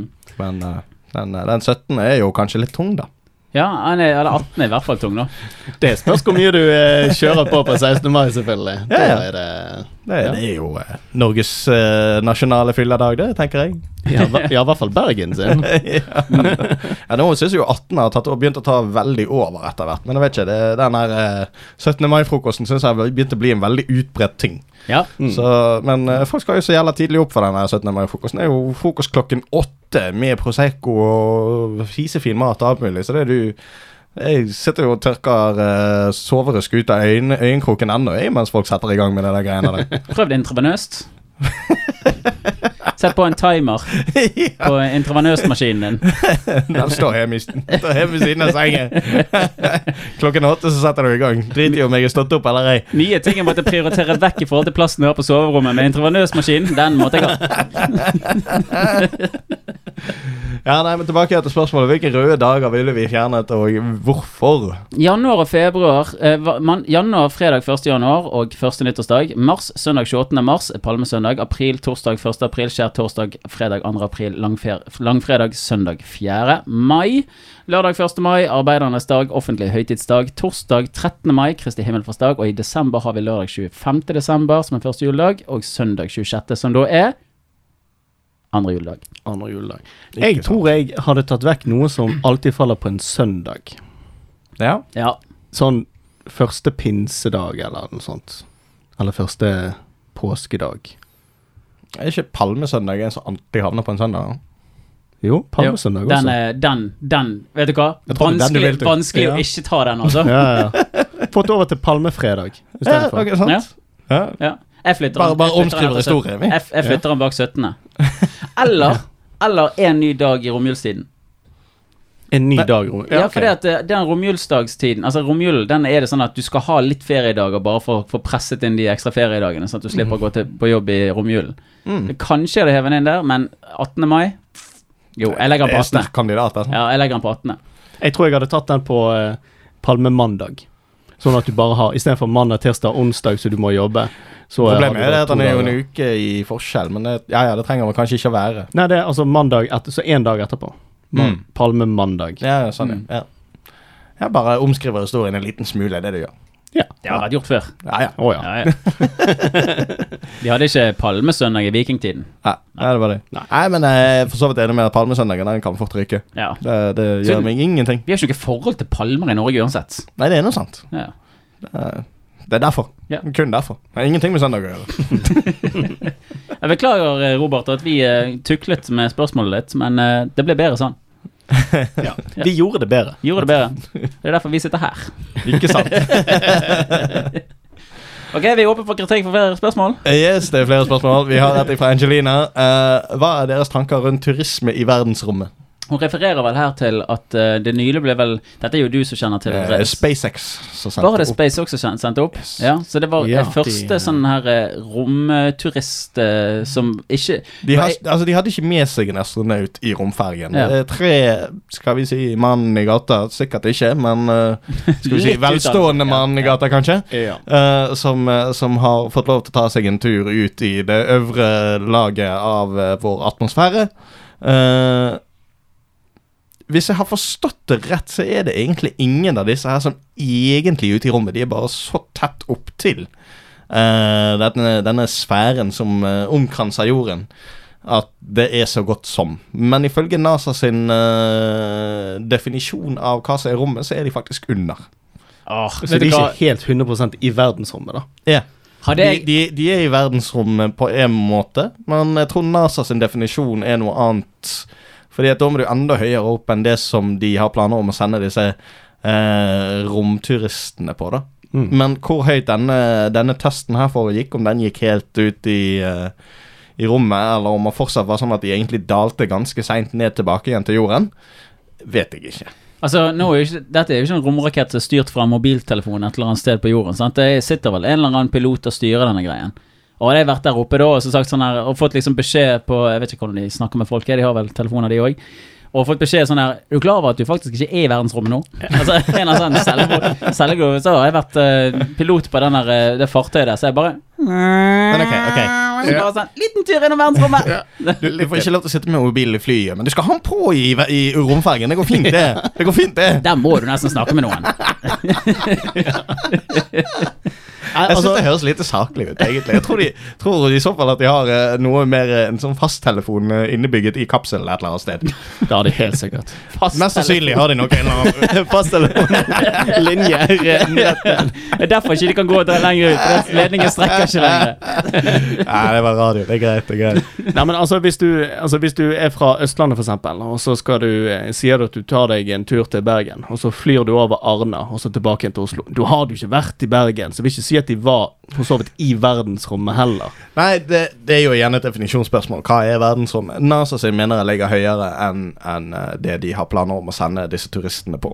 Uansett, tilbake igjen til selve romfergen. Altså, eh, det var en eh, tre sivile personer som ikke utdannede astronauter, og de hadde ikke med seg noen astronauter på ferden. Eh, jeg har ikke satt meg veldig inn i saken. Eh, de de eh, ble rett og slett Ja, leste overskriften og sett eh, et par sånn nyhetsklipp når jeg har gått forbi en TV, liksom. En moderne person som tar til seg informasjon, sånn som alle andre. Ja, ikke sant. uh, men ja, hva er egentlig tanken rundt turismen i verdensrommet, er jo spørsmålet som er stilt. Kan jeg bare si at jeg syns det faller på en veldig ubeleilig tid i forhold til dette her hvor vi snakker om forurensning og sånn som dette. Det veldig ubeleilig at dette skal åpne akkurat nå. Vi prøver Vi har jo snakket om flyskam og sånn som dette for noen år siden. Og jeg har jo sett når disse her eh, romrakettene tar av, og mengden vann som skal inn for å kjøle ned det systemet og hele pakken. Jeg vet jo ikke om de har noen skikkelig naturfordelsaktige måter å ta av, eh, men du skal jo et stykke opp. Det skal en del energi til for å få det til. Det skal det. Jeg tenker det, det, det treffer på en litt ubeleilig tid. Det er kanskje ikke, Ja. kanskje ikke tiden er inne akkurat nå for romferger. Nei. reise. Ikke, vi venter på elfergen. Ja, Ja, elferge. da er vi kanskje der. Ja. Ja. Elferge. Eller hydrogen, hvis det Det kan også gå. Gjøre. Eller, eller sånn der, eh, sånn der olje som så som du steker mat i. Sånn matolje. matolje. frityrolje, det, ja. For det er jo, noen dieselmotorer kan gå på frityrolje. Ja. Ja. Lukter det McDonald's i hele Houston, we have sent McDonald's. ja, men Det er min mening. Det, det, det er litt, litt unødvendig akkurat egentlig i det hele tatt. og så er det jo òg en annen greie. Ta deg en Det tur til Alta. Det er en annen ting òg, er jo egentlig det at uh, det er jo ikke Det er jo eliten som kommer til å ta disse fergene her. Det er jo kun de med uhorvelig mye penger Ja. Som uh, har litt å brenne, for å si det sånn. Var ikke det sånn at en billett kostet 50 millioner dollar eller noe sånt? som det? Jeg har ikke peiling. Det var en eller annen sånn eh, riking som hadde kjøpt billett, og så takket den nei. Ja. Jeg vet ikke om det var akkurat på dette det var snakk om, men jeg Ja, det leste bare å støtte prosjektet. Jeg gjorde sånn som du, jeg så et par klipp, og så leste jeg en overskrift, og så var det en person som hadde, hadde kjøpt en billett, og nå var sånn Ja, vet du hva, akkurat den dagen Jeg hadde tenkt å gå, men jeg, jeg, nå er det sånn at eh, nå skal liksom fetteren min sin unge, han skal i konfirmasjon, og ja, det passer bare liksom ikke. Ja. Nei, men vi eh, Jeg, jeg eh, Kult at det er en tanke, vil jeg si, men det er litt som du sier, det, du har uh, ringvirkninger rundt uh, uh, Ja, brensel og sånt. forurensning. Og det, selv om de nå har raketter som kan lande igjen, det er jo SpaceX dette her, de har jo gjort det med suksess tidligere, og det er nok den samme fasiten de går på, tror jeg. Ikke utelukkende suksess. Nei, det er noe sant. Det har jo vært en del prøving og feiling. Det er for så vidt rett. Men ja. Nei Ja, jeg kan egentlig ikke helt se eh, Ja. Timingen er jo beleilig. Men hva er det å se oppe i verdensrommet, egentlig? Det er vel egentlig bare mer det at jeg har vært der og opplevd det. Ja, okay. Og så har de egentlig ikke vært helt der, fordi at de fortsatt er innenfor jordens gravitasjonsfelt, så de faller egentlig tilbake igjen til jorden. Faen, du høres ut som liksom den der moderne tids drittunge som sitter på bestefar sitt fang og sier sånn 'Jeg skal fortelle deg når besten var i verdensrommet', og så var sånn herre 'Pappa, visste du det at du faktisk egentlig ikke var i besten i verdensrommet?' For det hvis NASA din definisjon er det at du er nødt til å være 200 meter lenger oppe. Nei, men altså, det er jo Det er på en måte Altså, det er de rike som reiser, så det er mer sånn Se hvor jævlig mye penger de har. Se hvor mye Se hva de brenner det på. Ja. Ja, Faktisk, faktisk brenner det opp på. pengene, ja. Og ja, ikke noe miljøhensyn og sånne ting. Det er egentlig sånn Se, hvis du får jævlig mye penger, se hva du kan bruke det på. Det turen tar Det er ikke så veldig lenge. Det er bare noen minutter. Nei, nei, nei, nei, de skal være der et par dager. Et par dager? Ja, de skulle være der en stund. Jeg vet ikke, altså, jeg vet ikke hvor liksom, de lenge de liksom stikker opp i det øvre sjiktet, men de skulle være på tur en stund. Oh, ja, ok, så det er ikke bare rett opp og så rett ned igjen? nei, nei. nei. Okay. Det er ikke sånn opp, og så setter du en revers ned igjen. Nei. Nei, for han der eh, Jeff Bezos, han var jo oppe der, og det tok ikke lange tiden. Det var jo eh, Nei, han skulle bare rekke et møte. Ja, det skulle han sikkert. Han kansellerte vel den turen så snart han så formen på denne maskinen sin òg, da. Ja. Det var sånn, Ja, nei, men det er, vel, det er vel litt det samme som han som var oppe i den der eh, ballongen som hoppet i fallskjerm fra verdensrommet. Ja. Eh, det er vel der oppe de ligger, så det er jo kanskje litt høyere. Jeg vet ikke. Det der, det der må jeg eh, rett og slett hjem og kikke på. Nå ble jeg nysgjerrig. ja, det kan vi finne ut i neste episode. Men eh, hvis du eh, BT går rundt fem på gaten, vil du dra til verdensrommet? Eh, vil du dra akkurat nå? Og så og så- og så faktisk bare tar vi og fjerner disse tingene. La oss si at dette her er naturvennlig, da. Ingen, ingen ja. romskips eh, eh, sånn eh, frykt eller skrekk, eller hva det heter for noe. Ja. Um, du får tilbudet. Har dere reist opp i verdensrommet nå? Hvis det er miljøvennlig, Miljøvennlig og tur. hvis jeg ikke må betale ja, Ja, 50 gratis. millioner dollar. Ja, nei, altså Hadde jeg fått den, så tror jeg nok jeg hadde vært et, et så hyklerisk menneske at jeg hadde tatt den, ja. Ja. Det er jo ikke hyklerisk. Altså, det er jo ikke Nei, Hvis han er miljøvennlig og alt mulig, men jeg tenker, jeg tenker bare sånn Ok, hvis vi tar vekk alt det du sier, og så bare sånn kontra til hva er deres tanker rundt uh, turisme i verdensrommet Hvis du hadde fått sjansen, Ja. hadde du tatt den? Ja. Jeg tror jeg ville sagt ja. Eh, Jeg òg. Muligens. Altså, jeg tenker litt sånn at eh, jeg, vil ha en, jeg vil ha en annen Altså, er det sånn at jeg tar av fra Bryggen i Bergen, og så lander jeg i Bryggen i Bergen? For jeg har lyst til å Hvis jeg lander et annet sted, så kan, jeg liksom, da kan jeg slå sammen to ting, da. Ja. Si for eksempel jeg lander i Kina, så får jeg oppleve Kina i tillegg til verdensrommet. Da er det sånn Da tenker jeg Da er vi, eh, da er vi på en god deal. Sannsynligvis vil du vel lande i et vann et eller annet sted, vil jeg tro. Yes, ja, og det blir våt og sånn. Ja. Ja, Våtdrakt og greier, og så Ja. Mm. ja. Nei da, god teambuilding, det. ja. Vi går videre. Vi gjør det. Vi har eh, siste spørsmålet igjen. Robert har stilt et, eh, nok et godt spørsmål. Hvilken farge har et speil? Sølv. Du sier sølv. Ja. Ok. Sølv. Jeg eh, tror jeg har lyst til å være så cheeky og si alle farger. Oho. Veldig safe svar. Men eh, jeg tror det, jeg vet ikke. Hæ? Nei eh, Jeg vet at baksiden av et speil er som regel svart. Ja, det kan godt være. Men eh, jeg har sett Så er spørsmålet om det er speilet i seg sjøl, eller om det bare er platen det på en måte er festa på. Men den der eh, sausen et speil er laget av, er jo Ja Ser jo litt ut som flytende metall, i grunnen. Men hva er det som reflekterer? Hva, altså Speil er jo ikke glasset, på en måte. Altså Det er jo det som reflekterer. Er det en saus? Jeg vet ikke. Jeg lurer på om det kan være den der platen på baksiden, og så er det bare Nei, det kan ikke stemme. Nei, det stemmer ikke. For det, jeg, jeg så noen som drev og pusset på en metallplate. Og mm. lagde et speil ut av det, da. Altså Se for dere at dere ser inn på en metallplate. Dere kan skimte dere sjøl i refleksjonene der. Ja, ja. Ja. Så Hvis du bare pusser noe jævlig der, så er jo det ganske gode refleksjoner. Jeg lurer på Det er om kanskje sant. det er det som er speil. At det bare pusset jævlig godt. Ja, jeg vet det. ikke, men jeg, det, så det er derfor jeg lander på sølv. Altså, det er fordi at jeg tror det er en sølvplate som Ja, er pusset ned så med noe glass utenpå. ja. Og du har alle. Det er jo eh, riktig, så lenge det ikke er mørkt rom. Ja. Så Kanskje jeg skal svare ingen, da. Ingen farger. Ingen farger. Ingen farger. Har ikke farge. Nei. Bare copycat. Nei, eh, det var jo et spennende spørsmål. Vi skulle spart det. Vi skulle tatt eh, et annet et til slutt, tenkte jeg. Ja. Det, vi klarte ikke altså, Det er ikke så mye å si om det. Det er fargen er det fargen var eh, før det ble et speil, tenker jeg. ja, altså så lenge Eller hva er speil laget av? Godt spørsmål. Altså, Et eller annet metall eller jeg vet ikke. Eller, jeg, jeg tror Ja. det. Ja, så lenge, men så lenge det er ingen av oss som har eh, spesialkompetanse på akkurat uh, speillaging, så jeg tror ikke vi kommer så veldig mye nærmere det. Vi gjør nok ikke det. Vi får, vi får gå og se på uh, How is it made? Ja, Yeah. Yeah. Eh, Mirrors. Ja. ja. Men den er god, den. ja. Da er vi vel egentlig kommet dit hen at vi eh, er på siste innspurten. ja. Og eh, Ja, vi hadde ikke noe jingle på det, hadde vi det? Siste innspurt. Jo, vi har en eh, Vi, vi laget noen greier. eh, Histen og pisten. Ja, vi har, eh, vi har, faktisk noe som ikke står i programmet. Nei. Ja. Anbefaling og anbefaling, anbefaling og anbefaling. Ja, jeg glemte hva jeg skulle si på den. Jeg òg. Men du gjorde en god jobb. Ja, Strålende. veldig veldig, veldig bra. god, veldig Nydelig jingle. Det kan godt være at denne spalten kommer til å hete Anbefaling. det er Helt rett. yes, nei, vi skal rett og slett ta og runde av eh, episodene uh, framover, tenkte vi, med en anbefaling fra hver av oss. Uh, før vi avslutter. Ja.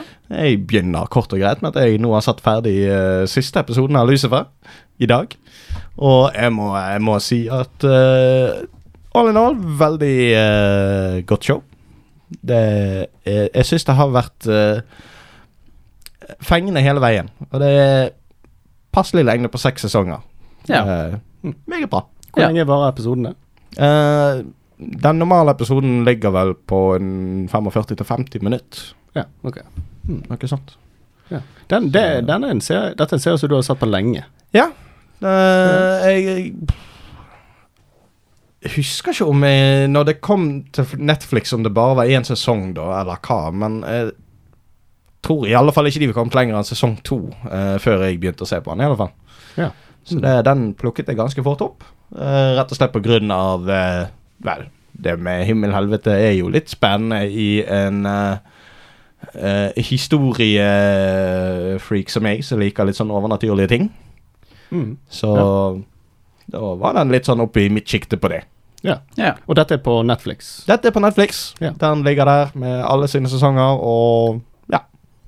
Free, free to watch, å si. Så lenge du har Netflix. Ja, så lenge du betaler for Netflix. ja. Ja. Andre? Eh, jeg kan ta en. Jeg eh, trodde det bare var du skulle ha en anbefaling, men jeg har nå en, eh, har nå en skjult oppi rumpen min et eller annet sted likevel, så det, jeg kan bare ta den med en gang. Um, Erlend og Steinar en YouTube-kanal. Jækla morsomme folk, disse her. De har vært ute og lagd mye andre sånn Det er sånn halv uh, Det er ikke amatør, egentlig. Det er ganske bra gjort. Uh, Erlend og Steinar, hvis dere søker de opp på YouTube, og så legger dere på Valget, så har eh, Erlend lagd en, en sånn sak Det er jo litt sånn utdatert nå når dette valget allerede er ferdig. Men han driver da og intervjuer de forskjellige partiene, eller i hvert fall disse partiene oppe i sjiktet. Uh, forskjellige representativer fra de. Jonas Gahr Støre innom en uh, av episodene. Og uh, rett og slett har lagd litt humor på dette som jeg syns er litt modig av politikerne å stille opp på. Og det er litt sånn halvveis sånn Between Two Ferns-aktig ting. Ok, Ja, og eh, jeg syns rett og slett det er det er godt produsert. Det er, han er morsom, han er Erlend, egentlig. Og de to kompanjongene som er med han og sitter litt sånn eh, stille ved siden av han i stol og egentlig ikke gjør så mye ut av seg. Nei. Det anbefaler jeg. Erlend og Steinar, eh, som dere finner på YouTube. Ja, og så Valg heter den episoden. Ja altså, ja, altså det er en eh, serie da, hvor de går gjennom alle partiene. Så der Ja, er flere, så du får bare enten gå inn der, og så kanskje dere kan eh, slenge dere bort på spillelister og se hva dere finner der. Ja. Jeg tror det er en greie med å prøve å gjøre politikk eh, litt mer tilgjengelig for folk, eh, i alle fall rundt valgperioder. Ja. At det er derfor eh, disse eh, folkene er villige til å stille på disse tingene. Eh, for det er jo NRK òg har jo f.eks. en eh, miniserie som heter Latterlig politikk. Ja. Og det er jo eh, fire episoder der hvor de tar ut eh, tre eh, komikere Mm. eh, til å representere hvert sitt parti. Og så skal de opp i Møter de hvert sitt parti, får en liten opptrening i det. Og så skal de rett og slett til partidebatt, eh, ledet av en eller annen sånn her partidebattdame i NRK. ja. Artig. det er, Ja. det er faktisk litt stilig, det òg. Men jeg tror det rett og slett er noe med det at de, de har lyst til å prøve å liksom nå folk som gjerne, sånn som meg, som synes politikk kan være dørga kjedelig og drittungt å sette seg inn i. Rett og slett ved å hive litt humor på det. Ja Så Ja. Jeg bare la merke til at jeg har, jeg har glemt å kjøre det i dag, så Ta det på slutt. ja. Ja, men det er en god anbefaling, det. ja takk skal du ha. Jeg har um, Det er en liten stund siden jeg så det nå, men uh, på HBO så er det en serie som heter The Plot Against America. Oh. Det er en, en miniserie, så det er ikke mer enn seks-syv episoder. Um, på en ca. en time hver. Men um, det handler rett og slett om uh, Altså, det er en, en måte en, en alternativ eh, I en alternativ historie der ehm, eh, Franklin Roosevelt ikke ble gjenvalgt i USA akkurat da under andre verdenskrig, eller rett før andre verdenskrig. Ja. Så, og så ser du perspektivet fra, eh, fra eh, jøder, arbeiderklasse jøder, Mm. i USA. Og USA var på den tiden Eller det var veldig mange som var eh, Ikke si nazisympatisører, men hadde Sine reservasjoner mot uh... Ja, eh, ikke var helt fremmed for eh, den siden av det politiske spekteret. Mm -hmm. eh, og det, altså det er altså helt vanlige folk, og de var mange i USA. Så um, den er litt den er litt artig. Nå får du se veldig eh, veldig innviklet Altså veldig sånn inn på hvordan det er for de, for jøder, som blir eh, Som blir rett og slett eh, sett ned på av alle. Ja. Og hvordan, de, hvordan ungene har det på skolen, hvordan kona har det hjemme. Konen jobber selvfølgelig ikke. Hvordan det er på arbeidsplasser. Og ja, det og flukt og alt sånt til Canada og sånt. Ja. Så det, den er rett og slett veldig bra, og veldig spennende. Ja. Den vil jeg absolutt anbefale. Det er på HBO. Hva var det du sa den het for noe en gang til? Den het The Plot Against America. Very nice. Mm. Jeg kommer til å se. Gleder meg. Ja, da har vi jo dekket litt for enhver smak her, vil jeg tro. Ja, jeg vil si det. Det er jo veldig bra. Uh, ja, og da er vi egentlig ved veis ende. Så da er det jo egentlig bare for å takke for i dag, og vi høres på neste episode. Kan jeg bare få lov å kjøre inn at eh, jeg tenker at vi kan avslutte denne episoden med at vi hører den gøye nye introlåten en gang til? Ja, Ja, det det. må vi. Det må vi. Nå stemmer vi. Ok, klar? Én, to, tre. Tilbake.